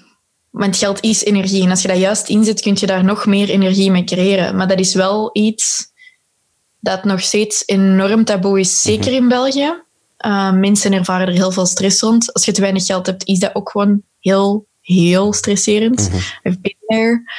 Um, en ik denk wel, als we geld wat meer zouden kunnen bekijken als fuel en als energie, dat het makkelijker zou zijn, ook voor onze mindset, om meer te willen, om meer te kunnen creëren. En om meer mensen te helpen en aan het werk te zitten en om ons bedrijf groter te laten worden. En in onze zone of genius te zitten en kwaliteit op te leveren en zo. Geld is goed. Geld is energie. En dat zou ik graag zo wat meer de wereld in krijgen. Ja, is het ook niet een beetje de manier waarop dat je je geld verdient? Want geld is ja, dat sowieso. Klopt in C, als je het op een juiste manier het, het verdient, omdat je zodanig veel waarde hebt gecreëerd als bedrijf, als persoon naar andere mensen, dat die echt zeggen van wauw, deze was echt geld waard. Maar als je mensen in het zak hebt gezet, dan, ja, ja, dan, dan gaat business niet goed. Hè? Dus in dat opzicht is dan weer zo van ja... Nee, ja. Dan, dan, zou het geen een filosofische discussie kunnen gaan van hangt er vanaf wat je met dat geld doet. Maar nee, agree. En, en dat is ook wel dat is voor aflevering 2, hè? Ja. ja. Ik kom met plezier nog eens terug. Ik denk dat ik wel tijd heb ergens in mijn agenda. Zal eens kijken. Um, maar ik denk, dat is wel iets... Ik ben zo uh, een advocate voor... Please, zet uw prijzen juist. Please, ga niet onder uw prijs, onder uw energie, want dan eindig je op het einde van de maand met te weinig geld en te weinig energie. En dan eet je dat pak koeken en die pak chips op en drink je een fles wijn liggen. Dat is gevaarlijk. Um, maar ik maak altijd alles zo heel... Ja, I love it, I love it. Ehm, maar wat ik ook wel echt op hamer van mensen is... Zie potverdorie dat je kwaliteit levert. Um, ik heb soms het gevoel dat ik dat misschien wat te veel heb aangeleerd aan mensen. Van zet je prijs goed. Maar nu beginnen mensen gewoon soms keihard te overchargen. En dan is het totaal niet de moeite. En ik zo, kom op, kwaliteit is toch wel altijd het aller, allerbelangrijkste. En dan komen we terug een beetje op hetgeen wat mijn ouders zeiden. Als je iets graag doet, gaat je het goed doen en dan kom je er wel. Die kwaliteit is altijd die eerste vereiste. En dan zal de rest inderdaad wel komen als je er een beetje voor open staat. Ja, dat is eigenlijk nog een stap voor dat, dat ze bij, bij, bij u eigenlijk zouden komen. Eigenlijk, dat ze echt al een goed aanbod moeten hebben, offline of online. Eigenlijk, iets wat dat ze ook aanbieden, service of product bedoel ik dan. En dan inderdaad kunnen dankzij uw uh, kennis en, en, en cursussen en zo eigenlijk een boost geven naar online om het schaalbaar te maken en, en, en online presence en zo. En dat is ook effectief hoe ik werk. En dat is ook wat ik altijd zeg. Eh, als je een soort van omgekeerde driehoek zou hebben en van onder, in het onderste punt zit je talent, je skills en je passie. Dat kan ik niet regelen voor u. Daar kan ik alleen maar erop vertrouwen dat wat dat jij de is. Ik hoop dat jij goede video's maakt. ik denk het wel. Ik heb het al gezien dan kan ik wel gaan naar rechtsboven en zeggen, oké, we gaan uw authentieke autoriteit nog sterker maken. En, en aan de andere kant van hubs, en nu bouwen we een schaalbaar businessmodel. Maar die talent, dat talent, die skills, die passie, I don't have a clue. Dat is van u. Waar kan ik wel ook mee werken met mijn klanten is social skills. Want sommige mensen zijn effectief wel heel goed ze doen, maar krijgen dat totaal niet vertaald naar klanten. Dus dat is iets waar... Dat, is zo'n beetje een gray area, maar in het midden van die driehoek staat er zo aan een smiley en dat gaat voor mij over happy you en happy clients. Maar dat talent, die skills, die passie, inderdaad, dat moet eerst goed zitten. En ik ben gratis beginnen coachen ooit in der tijd. En nu begint het dan soms inderdaad wel een beetje te kapitalistisch te worden. Dat mensen denken, oh, ik kan veel geld vragen per uur. Nee, zie dus eerst dat op je trekt. Ja, dat je er het geld voor kunt... Dat het zoveel waarde heeft dat mensen er geld voor over hebben, hè, inderdaad. Dus, ja. Uh, ja, want ik hoorde in een van de podcasts, was het nu in die 50 koffies of niet, dat jij ondertussen een, een cursus doet van 25.000 dollar, zo'n mastermind of, of, of, zoiets. Of, kun je daar iets over vertellen? Is dat iets, iets dat andere mensen interesseert? Ja, dat is... Um, ik had nooit gedacht om te beginnen dat ik zoveel geld zou investeren in zoiets. Hè.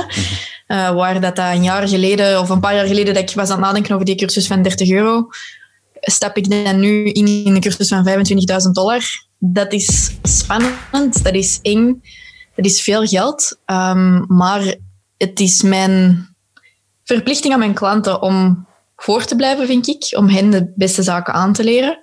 Ik respecteer ook veel mensen waarvan ik zelf ook weet van die hebben ook al tienduizenden, honderdduizenden euro's in zichzelf geïnvesteerd. En dat is dan natuurlijk inderdaad, je vroeg het er straks, hoe blijf ik dan mijn eigen ontwikkelen? Ja, daardoor onder andere. Um, dat is heel Amerikaans.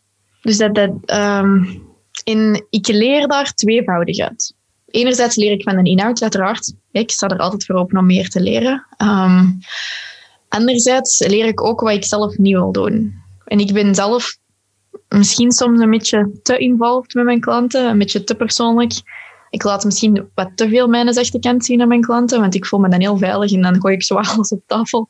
Omdat ik vind dat ik dat verplicht ben, omdat zij dat ook bij mij doen en, en echt alles aan mij vertellen. Maar dat is heel droog en dat heb ik niet graag. Ik mis echt die warmte. En dan zie ik ook dat heel veel van mijn mede-masterminders daar echt zo super Amerikaans dingen verkopen en zo. En dat werkt hier niet. Ik kan dat niet op dezelfde manier aanpakken als dat die dat doen. Ik wil dat ook niet. Ik wil mijn authentieke zelf blijven. En dus ik, ik leer daar veel van bij. Maar ik leer ook heel veel van hoe ik het zelf niet wil. En dat is altijd heel belangrijk. En zo creëert je je eigen authentieke iets en je eigen authentieke coaching. Um, en bij mij, ja, ik heb nu zoiets, ik weet dat ik mijn coaching, ik weet dat ik die prijzen omhoog ga moeten doen, want ik, ik geef te veel voor eigenlijk wat ik ben aan het vragen momenteel. En, en ja, en dan zal ik dat ook doen. Mm Want dan kan ik terug dezelfde waarde blijven leveren, want ondertussen ben ik mensen aan het inhuren om mij te helpen ondersteunen, om dat zo te blijven runnen. En ja, dat is gewoon nodig. Dus zo'n mastermind, alles qua coaching, of dat je er nu veel of weinig uit leert, ik raad dat altijd aan. Heel veel mensen bezien dat als kost. Ik heb die 25.000 dollar er op één dag uit. Oké, ja. Omdat dat iets triggert in mijn brein, waardoor ik denk, ah ja, wacht, ik ga deze zo doen. En het was klaar. En dat is bij mijn klanten ook. Ik heb in de afgelopen week in mijn mastermind die dat 4000 euro kost. Ik heb een klant die 170.000 euro heeft verdiend deze week. Niet verkeerd, echt. Dus dat is geen kost, dat is, dat is geen kost voor jezelf dat je maakt. Dat is een investering in jezelf die je maakt. Maar dat gaat enkel als je dat ziet als energie die gaat terugkomen. Als je dat ziet van en ik ga meer creëren. Als je dat enkel beziet als kost, ja, dan moet je het niet doen. Hè. Je moet dat bezien als investering dat je meer gaat maken. Ik vind dat, deze vind ik trouwens heel moeilijk, hè, dat ik dat juist allemaal heb gezegd. Zo, eh, dat, is zo, dat is dat on-Belgische. Maar ja, ja, ja. ik wil dat mensen dat weten, er is veel meer. En als Belgen zeker wij zouden allemaal beter wat groter denken. We zijn een klein land, hè. En het is een heel, heel groot cultuurverschil, denk ik, met, met ja, Amerika enerzijds en dan heel Scandinavië ook weer anderzijds. Er zijn, er zijn zoveel verschillende aspecten uh, daarin, waar Amerika veel oppervlakkig is, denk ik. Uh, en zeker in, in vriendschappen en relaties en zo allemaal. En, en uh, Scandinavië is gewoon gekend van oppervlak is dat er super moeilijk om mensen te leren kennen blijkbaar. Maar eens dat je in een vriendengroep zit, en dat echt ja, friends for life. Uh, dat, is, dat is echt wel een mega groot, groot verschil. Dus ik kan mij er wel in, in vinden, denk ik. Ik luister ook heel veel uh, Amerikaanse podcasts en heel vaak is dat zo, oh my god, it's amazing en dit en dat. Dat is oké, okay, wow, cultuurverschil. maar, maar ik volg ja. je daar wel heel hard in, inderdaad. Van oké, okay, je moet soms gewoon echt keihard investeren in, in, in jezelf, in je zelfontwikkeling ja. en zo. Dat eigenlijk lucky us, hè, dat, dat, wij mogen investeren daarin, dat wij de tijd hebben om, omdat al de rest van onze hè, piramide van Maslow al in orde is, qua, qua veiligheid, qua onderdak en zo. En we owe it to ourselves, vind ik, om juist verder daarin te gaan en, en, en er het maximum uit te halen. Ja, en dat kan nu misschien heel zot klinken, want ik zeg het even, mijn hart klopt er nu zo van en ik van, oh, mocht ik deze zeggen of niet, ik weet niet. Maar ik was het, wat was het, vier jaar geleden nee, iets langer, heb ik uren getwijfeld over die cursus van 30 euro. Hè?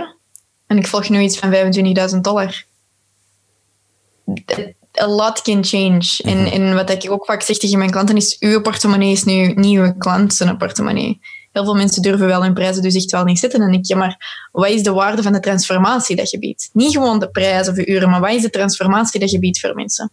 Dat is een heel andere perceptie, hè, inderdaad. Ja, dan gaat het naar value. Um, ja, het is... Um, we weten niet wat er gaat gebeuren de komende weken en de komende maanden. Hè? Dat is heel, spannend. heel veel gaat veranderen, ja. Ik, vind het, ik vroeg me gewoon al af, gewoon het feit, als Belgen, wij kussen elkaar. Ja, je zegt dat, je geeft een kus de wang. Dat is volgens mij iets dat wij niet meer gaan doen. Misschien nooit niet meer. Of toch veel bewuster, hè? zelfs een hand geven, hè? Ja, zo, joe. Ja, ja, elleboog, joh. Ja. elleboog, voetje geven. Nee, nee, ik denk dat ook heel, heel hard. Want ik ben iemand dat, dat heel snel probeert inderdaad fysiek contact. Want ik, ik schep wel graag een beetje een warme contact en zo. Ja, ik ben ook super touchy-feely. Dat is echt... Ja, ja geen hashtag MeToo en zo, hè, maar, maar ik bedoel, zo, zo heel snel. um, ja, Goed dat je aan de andere kant van het scherm zit. Daarmee dat we deze dus allemaal online doen. nee, nee, maar um, ik denk inderdaad dat we daar zoveel bewuster mee, mee gaan omgaan. Maar, maar die, die fysiek contact aside, ik denk, oh, heel die isolatie en zo, ik denk dat zoveel mensen er even bij gaan stilstaan van hoe leuk is... Oké, we moeten ons heel eerlijk even toegeven, het is waanzinnig weer in België. Dat op zich is al zo zalig, of dat je nu ja, geïsoleerd bent of niet. De mensen komen buiten, want ja, ze hebben tijd, omdat heel veel mensen zijn momenteel uh, technisch werkloos. Um, maar ik denk dat er... Ik, ja, ik weet niet, ik weet niet of je dat ook voelt of niet, maar dat er over het algemeen wel een beetje een relaxe sfeer hangt. Mensen komen buiten, ze hebben tijd voor bepaalde dingen die misschien belangrijk zijn voor hun en zo. En ik vraag me af of nadien, stel dat de gates are open again, of dat we terug vallen back gaan in die, in die pressure en, en druk en kom aan allemaal op de 19 in de file gaan staan of niet. Um, we hebben nu gezien dat flexwerken of niet. Ik ben heel benieuwd wat dat, hoe dat we hier, hier, hier ja. gaan uitkomen. Ik had het er met mijn papa over. Mijn papa is uh, super, ook een heel hoogsensitief en zo. En ik vroeg van ja, hoe voelde u nu qua energie? Zo op het einde van de dag vroeg ik dat. Want ik zag dat hij veel rustiger was. Maar ik zag ook dat hij dat zelf nog niet door had. Want die zit altijd veel in de auto en veel afspraken en meetings. Dat ik soms echt denk van, hoe doe jij dat? Ik, ik zou zot worden. Ik vind dat soms leuk dat er een barrière is mhm. van de computer, omdat ik dan mijn energie wat meer kan um, beveiligen of zo. Um, en ineens kijkt hij zo naar mij en die echt zo van, maar ja, nu dat je het zegt, zo niet stress in de file, parkeerplaats zoeken, ga ik te laat zijn? Dat, die had wel zoiets van, ja, ik denk wel dat ik vanaf nu zo een paar dagen per week van thuis uit ga werken en virtuele meetings ga doen. Ik weet gewoon alleen niet goed. Dat is een beetje zoals wanneer dat er iemand sterft in je omgeving en op die moment denk je zo van I'm gonna seize the day en ik ga me nooit niet meer druk maken in kleine dingen. En op een gegeven moment begint je dat toch weer te doen. Mhm. Dus ik, ik weet niet hoeveel effect dat gaat hebben. Maar ik denk qua thuiswerk wel, maar ik maak me vooral gewoon ja, enerzijds natuurlijk om de gezondheid van de mensen druk, maar ik blijf binnen, dus ik ben al niet gevaarlijk voor mensen. Ehm, maar de economie, wat er gaat gebeuren, dat ik, wauw. Ja, het is echt, ik denk, een heel keerpunt. Ik ben ook die, die, die boeken van Rutger Brechtman aan het lezen. Hè, met de, de, uh, van Utopia en de meeste mensen deugen en zo. En, en daar heeft hij het ook heel vaak over zo basisinkomen en zo. En ja, dat, dat, dat, dat zijn allemaal, ik denk inderdaad, een economie die ineens zoveel minder presteert. Of, of hoe moet je dat zeggen? Ja, onze, ons, onze infrastructuur, heel onze maatschappij is daar niet, niet op voorzien. Hè. We hebben ja. zoveel mensen in de overheid die daar ook moeten betaald worden, die daar, die daar van alles moeten controleren. En zo. Ja, dat, dat kost gewoon Misschien gaat België eindelijk wat efficiënter beginnen worden. Ja, maar ja, wie weet, wie weet zijn ze nu inderdaad met de social distancing, met zoveel minder ja. mensen in het parlement en merken ze van, goh, met zeven een beslissing nemen tegenover met 150 een beslissing nemen. Ja. Het gaat wel beter eigenlijk, wie weet.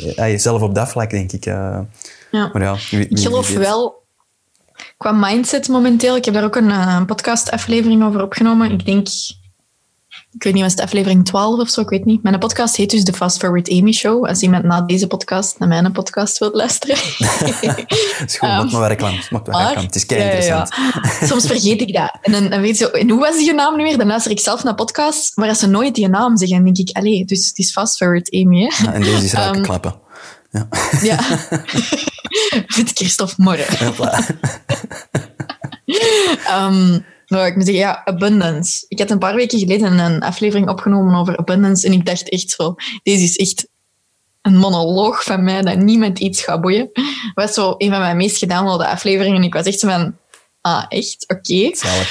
En dat gaat terug naar die energie en naar dat geld. En ik, ik weet dat het momenteel enorm moeilijk is om niet in schaarste te gaan. Je hebt schaarste en overvloed, in het Engels scarcity en abundance nu ben ik op dreef aan het geraken. Ik denk dat jij biedt gewoon afronden en ik ben zo van, let's do this. We zijn over het uur, maar we, ga maar, ga ervoor. Ja. Dus ik was gisteren enorm hard in schaarste, even. En ik, ik had ook veel betalingen gedaan en met dingen bezig geweest waar ik echt niet mee wou bezig zijn. Administratieve zaken dan. En ik zag andere mensen knallen en ik dacht, oh, ik heb ooit een, een pivot gedaan, een wissel van fitness naar business. Uiteraard, ik heb een grote Instagram-account, maar not everyone is interested in what I'm saying. Dat is gewoon een constante battle daar. Uh, had ik opnieuw moeten beginnen misschien. Maar ja, 50.000 volgers, daar stopt je ook niet zomaar mee. Um, en ik zat echt super hard in schaars en ik was mijn keihard aan het opboeien. Vandaag is het er helemaal weg, maar het is heel gemakkelijk om in die schaarste te blijven hangen. En om te zien wat anderen wel hebben, wat jij niet hebt. En om nu te denken, geen geld meer uitgeven, niet investeren in jezelf. En wat ik wel echt zou zeggen aan mensen, zolang dat het gaat qua gezondheid en qua uw omgeving, want uiteraard die fysieke gezondheid en die mentale, waar we het er straks over hadden, dat is die vrijheid. Mhm. Maar als je die hebt, bekijkt voorlopig nog wat er is aan het gebeuren als een opportuniteit. Bekijk dat als overvloed. Bekijk dat als een moment niet met veel pressure, maar met een soort van openheid van wat kan dit mij geven? Welke opportuniteit heb ik hier? Is deze een moment om een personal brand op te bouwen, om podcasts te beginnen luisteren, om te leren koken, om podcasts op te nemen? Is, welke overvloed kun je nu creëren? En ik weet ook dat er enorm veel creators en coaches zijn momenteel die zoiets hebben van nee, nee, ik zal wel wachten met online te gaan en ik zal wel overbruggingskrediet en al die dingen, maar ik, uh, en ik wil deze zeggen zonder mensen stress, stress te geven, maar for the love of God, start met een e-maillijst en zet je website op. Ja, ja, het is de moment inderdaad. Ja. Iedereen is zo nog van, oh, ik zal nog wel even wachten. Maar weet je wat je nu moet doen? Snel schakelen. Dat moet je doen. Hashtag fast forward.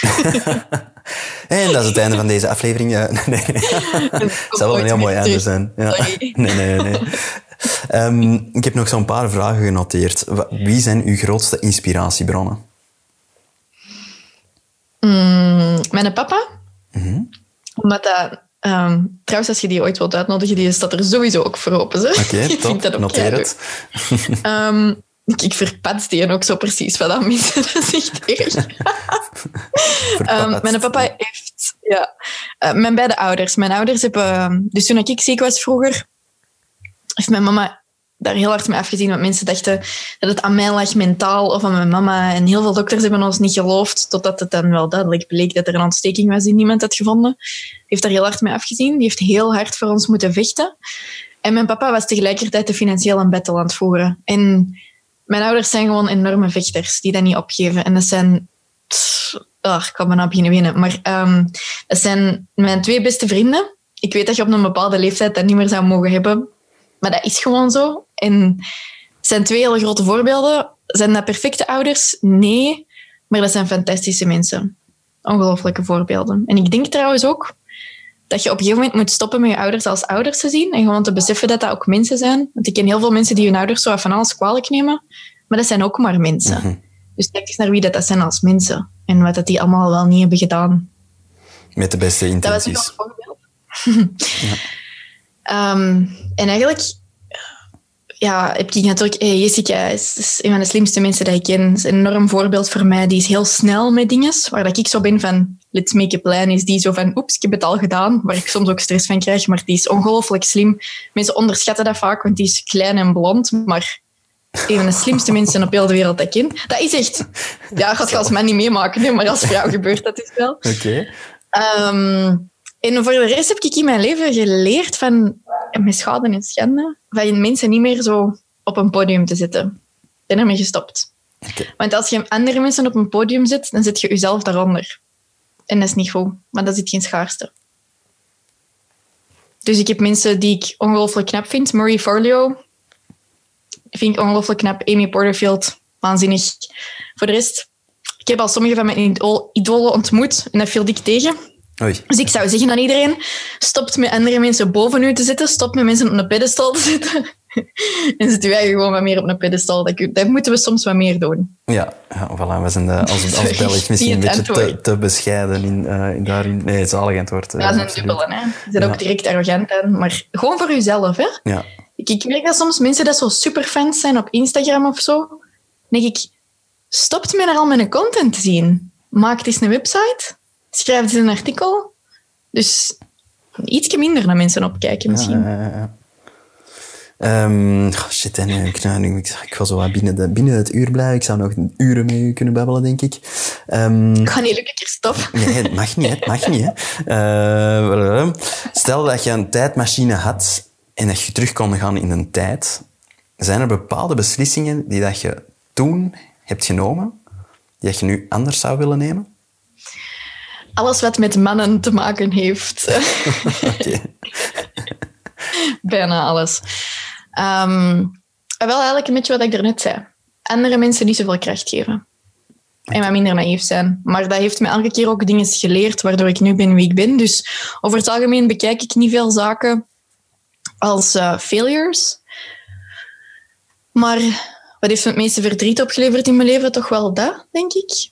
Ehm, de foute mensen te snel mijn vertrouwen gegeven. Ik ben ik beschouw mezelf niet als een hard persoon, maar ik denk wel dat ik veel harder ben geworden door zo van die dingen. Door foute mensen te vertrouwen, zowel in, in relaties, potentiële relaties en vriendschappen. En voor de rest, ik, als ik terug zou kunnen gaan in een tijd, zou ik zeggen, Amy, als je ze aan het volgen op Instagram, zie dan dat je alsjeblieft een e-maillijst hebt. Zalig. Zalig. Ehm, Ja. Zijn er nog bepaalde dingen waar je het absoluut vandaag over wilt hebben, dat we nog niet hebben aangekaart? Eh, dat Goh, Ik weet niet of dat mensen nog zijn aan het luisteren, want ik heb al zoveel meningen ik denk het wel. buiten gegooid. Ah, weet je wat? Ik heb zoiets... Wat is het begin van alles? Zelfbewustzijn. Self-awareness is super belangrijk. Als je je slecht voelt, vraag je eigen eens af waarom. Schrijf, pak eens een blad en schrijf eens op waarom voel ik me zo. En begin te schrijven. Een heel goede tip. Het andere, misschien specifiek op vandaag, is dat ik zou zeggen, en ik wil daar heel graag voor een aula van 600 mensen eens een voordracht over geven. Als iemand me er ooit eens voor wilt uitnodigen, zou het top zijn. Het zal niet snel gebeuren. Maar bouw alsjeblieft een personal brand op. En dat is interessant voor studenten, voor werknemers, voor werkgevers. Maakt een brand van uw naam. Uw naam is uw meest waardevolle bezit. Doe daar iets mee. Koop die een domeinnaam op GoDaddy, amyvandeputten.com. Dus niet een die, hè? die heb ik al, hoop ik. Ik hoop dat ik hem nog heb staan. Please don't delete. um, maak een brand van jezelf. Wees die persoon in uw vriendengroep die wel Instagram stories maakt. Post wel foto's. Laat wel zien wat dat uw meningen zijn. Want of jij nu wilt gaan werken voor iemand, of, of zelf iets wilt starten, als uw naam al meer waard is, dan gaat dat allemaal makkelijker worden. Dat is een beetje zoals dat je koning Midas zei en alles wat je aanraakt wordt goud. Alleen, als je mensen aanraakte, dan versteden die ook. Dus dat is geen aanrader. Maar de personal brand is wel gewoon enorm waardevol.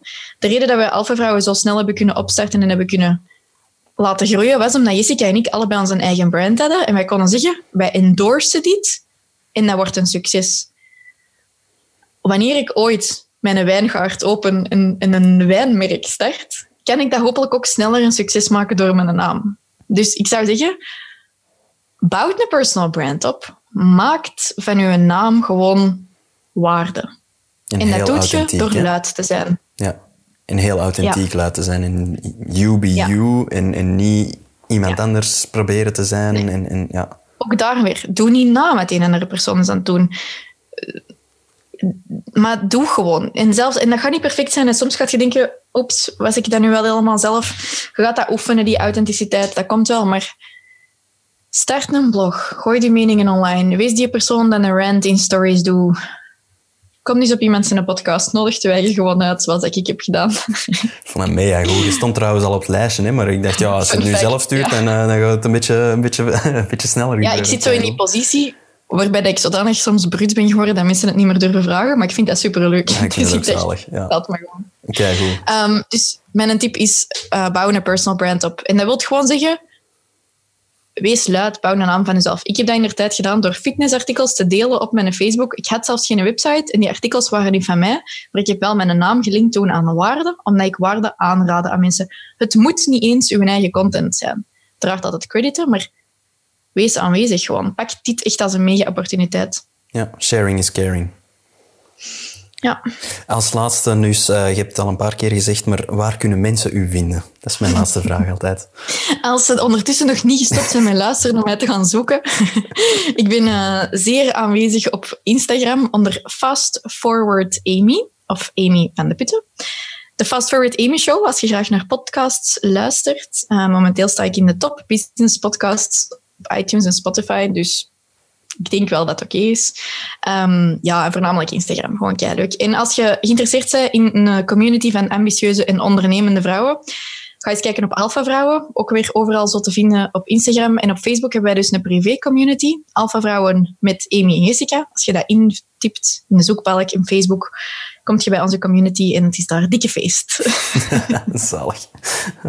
Alright, Amy, super, super, super hard bedankt. Ik vond het uh, zeer boeiend en ik kijk er heel hard naar uit om u na de corona-shizzle uh, in fysiek, real life te zien. Misschien zonder een kus, zonder een hand. We zullen wel zien hoe dat evolueert. Ja. Als je grote lens hebt, kun jij van ver filmen. Laten we het niet over de grootte van mijn lenzen nemen, alsjeblieft. Nee. Tijd om te stoppen, Christophe. Amy, houd u, houd, houd u nog goed. Uh, veel succes nog in de, in de crisis en met uh, alles waar je mee bezig bent. Dank je. En uh, tot zeer binnenkort. Zo, het zit er weer op. Ik hoop dat jullie er even hard van hebben genoten als ik. En zoals altijd, alle feedback is welkom. Als jullie nog suggesties hebben voor mensen die ik absoluut moet interviewen, stuur me even een berichtje. Op Instagram kan je me vinden op @morrec. M-O-R-R-E-C. Bedankt om te luisteren en tot de volgende.